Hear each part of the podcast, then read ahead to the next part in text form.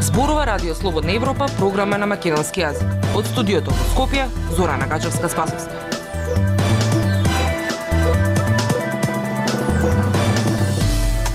Почитувани, ја следите емисијата на Радио Слободна Европа. Во неа објавуваме. Понудата за формирање на заедница на албански општини во Македонија се третира како политиканство и непознавање на српско-косовскиот проблем. Најавата за онлайн настава заради дојавите на бомби во училиштата може да биде поголем проблем отколку реално решение. Какви биле хакерските напади пред војната во Украина? Слушајте на.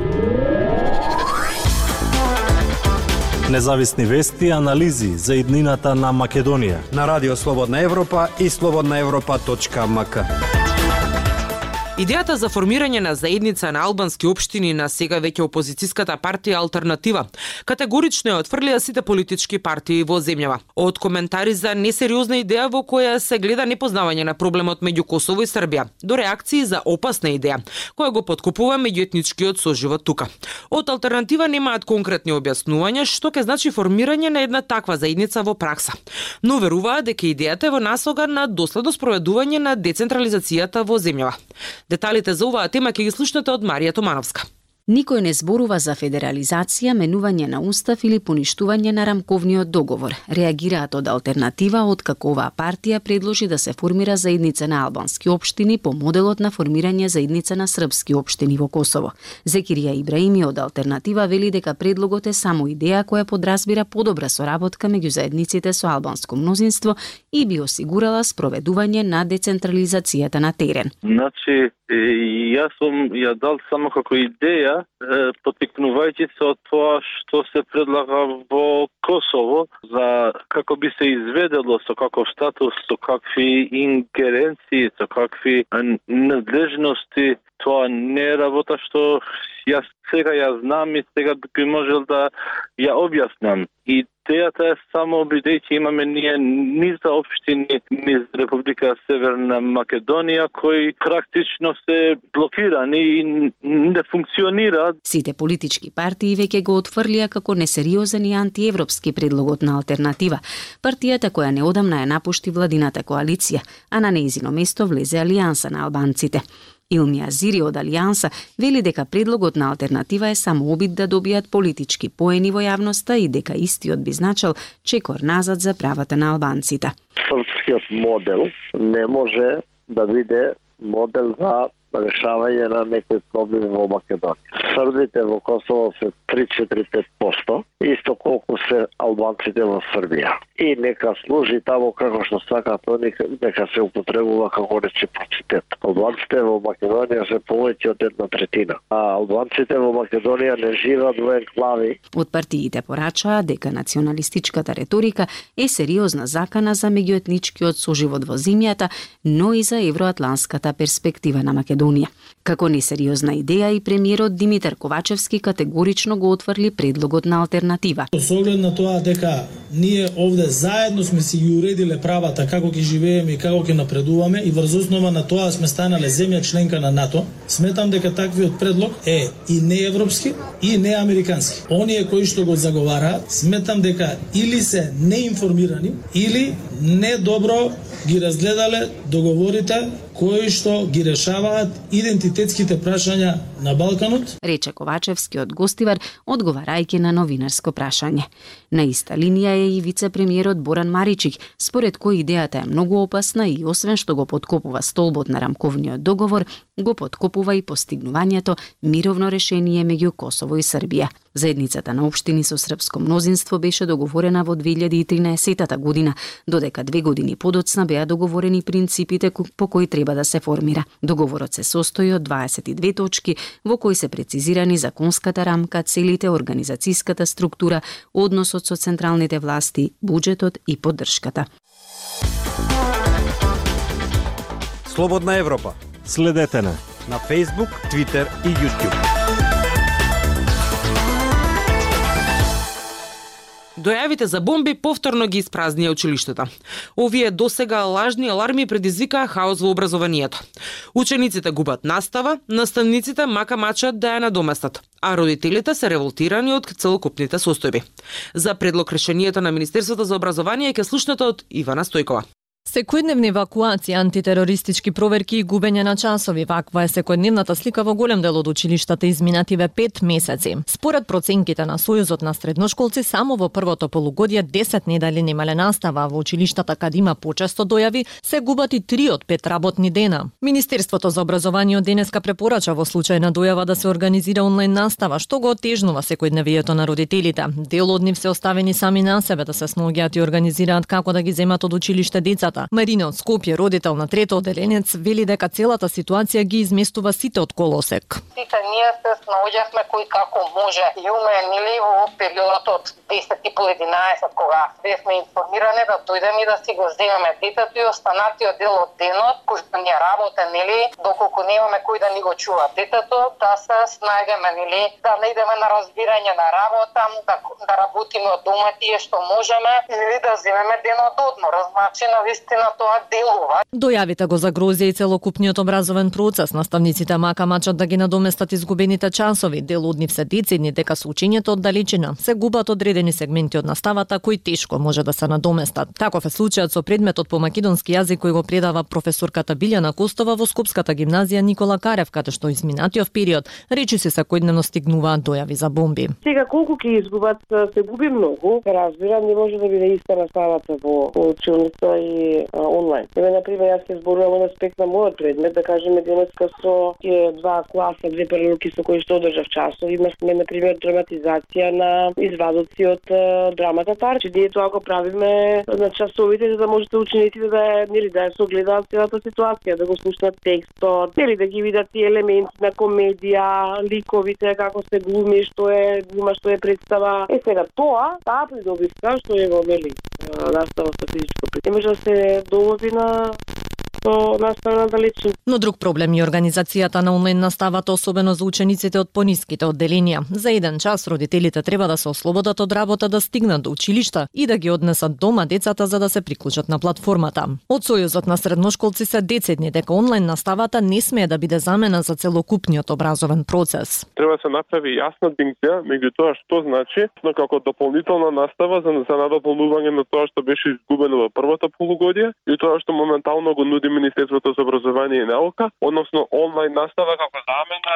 за а, целиот образовен процес. Министерството за образование, освен предлогот за онлайн настава, не понуди друго решение за изгубените часови. А учебната година е веќе продолжена до 14 јуни, откако зимскиот распуст беше продолжен за да се заштити на грејење и да се заштити здравјето на децата. До сега сите испратени дојави за поставени бомби по проверките се покажаа дека се лажни и додека дојавите не престануваат властите се правдаат дека испраѓачите тешко се откриваат откриваат и дека се работи за хибридна војна. Радио Слободна Европа, светот на Македонија има 10-кратно зголемување на капацитетот на соларните централи за струја. Ке има периоди, особено летно време, кога струјата преку ден ќе биде речеси бадијала. Власта најава задолжително поставување батерии во соларните централи за вишоците струја за да се чуваат во кога ќе треба. За кога ќе треба. Повеќе информации на оваа тема ке слушнете од Срѓан Стојанчов. Со инвестицискиот бум во изградба на соларни централи за производство на струја кои произведуваат само додека има сонце, може да се дојде до ситуација во исто време да се произведе многу повеќе струја од потребното, па незината цена во одредени периоди да биде речиси нула. Извозот исто така ќе биде многу тежок затоа што Македонија не е единствената земја која во енергетската криза многу инвестираше во соларни централи. Тоа е една од причините што се отвори дебатата за враќањето на денската ефтина струја за граѓаните која беше укината на почетокот на 2022 поради енергетската криза. Председателот на регулаторната комисија за енергетика Марко Бислимовски најави дека се прават анализи дали е возможно од економска гледна точка да се врати ефтината струја во текот на денот. Како се градат се повеќе и повеќе фотоволтаици, а ќе се градат, ние ќе имаме периоди кога е можно во летен период да имаме и цени кои што ќе бидат близко до нула, а можно е да има и цени кои што би биле негативни. На дистрибутивната мрежа веќе се приклучени околу 180 мегавати фотонапонски централи по сите основи, а издадени се согласности за околу 300 мегавати и овој број се зголемува, велат во компанијата Ева на дистрибутери снабдувач со струја. До 2021 година во Македонија имаше соларни централи со капацитет од 45 мегавати кои сочинуваа помалку од 1 од 100 од вкупното производство. Сега има скоро 10 кратно зголемување. За споредба, термоцентралата Осломеј која работи на јаглен има инсталиран капацитет од 125 мегавати. Разликата е што термоцентралите и хидроцентралите работат 24 часа, а сончевите само преку ден.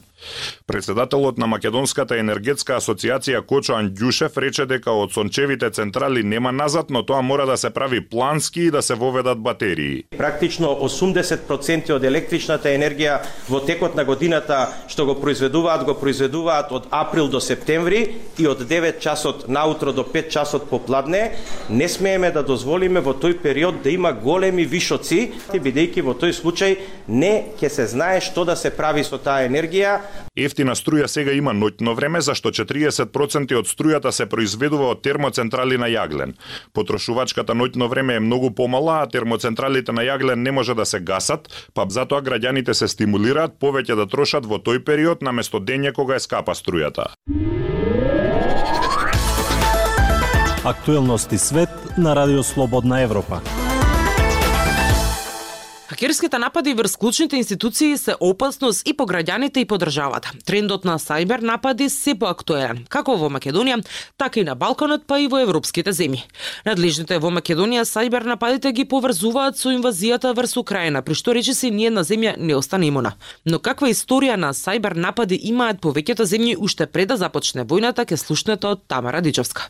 Првиот хакерски напад во историјата според интернет податоците се случил уште во далечната 1903 година, со што се верува дека се означил почетокот на една нова ера. Иако на прв поглед замислувањето на хакер во 20 век создава многу противречности, со оглед на тоа што во почетокот на 20 век не постоеле компјутери, се поставува прашањето: што би можело да биде хакирано од првиот хакер на сите времиња? Во ова време се развива првиот бежичен телеграф и неговиот создавач ги уверува граѓаните дека пораките испратени преку овој телеграф се безбедни и може да се пренесуваат приватно. Невил Маскелин, англиски магионичар, при проекцијата на овој бежичен телеграф успева да испрати навредливи пораки преку Морзов код за да докаже дека овој наводно безбеден телеграф и не е толку безбеден и приватен колку што го прикажуваат. Така првото хакирање во историјата било испраќање навреда со Морзеова азбука. Со започнувањето на една нова ера, светот беше нудар на хакерски напади. Се хакираат телефонски системи за бесплатни повици телевизии, радија, хакерот Кевин Полсен освои Порше бидејќи ги блокирал сите дојдовни повици за да не може да има други јавувачи освен тој. Со развојот на технологијата започна и хакирањето на компјутерски системи, со што почна еден да нов период во оваа хакерска ера. Меѓу поголемите хакерски напади во последнава деценија се најде Украина во 2015 година, каде околу 230.000 луѓе остана без струја среда декември, откако хакери се инфилтрираа во три компании за снабдување со електрична електрична енергија и ги исклучија генераторите во два региона во Украина. Украинските тајни служби обвинија руската влада за нападот. Германија пак во 2019 година го претрпе најголемиот хакерски напад во историјата, откако за стотина политичари од Бундестагот, меѓу кои канцеларката Ангела Меркел, протекоа чувствителни информации на Твитер како телефонски проеви, детали за кредитни картици, банкарски и финансиски детали, како и приватни разговори. Во 2020 година во Германија се случи првиот сајбер напад кој предизвикал смрт смрт кај пациентка.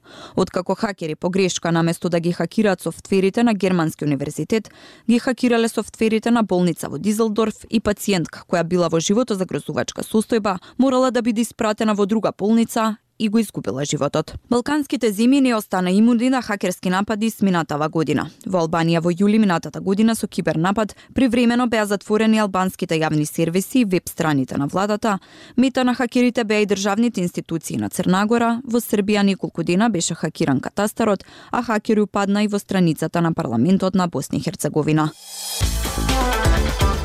Тоа беше се што ви подготвивме за оваа емисија. Со вас од студиото во Скопје беа Зора Нагажевска Спасовска и Дејан Балаовски.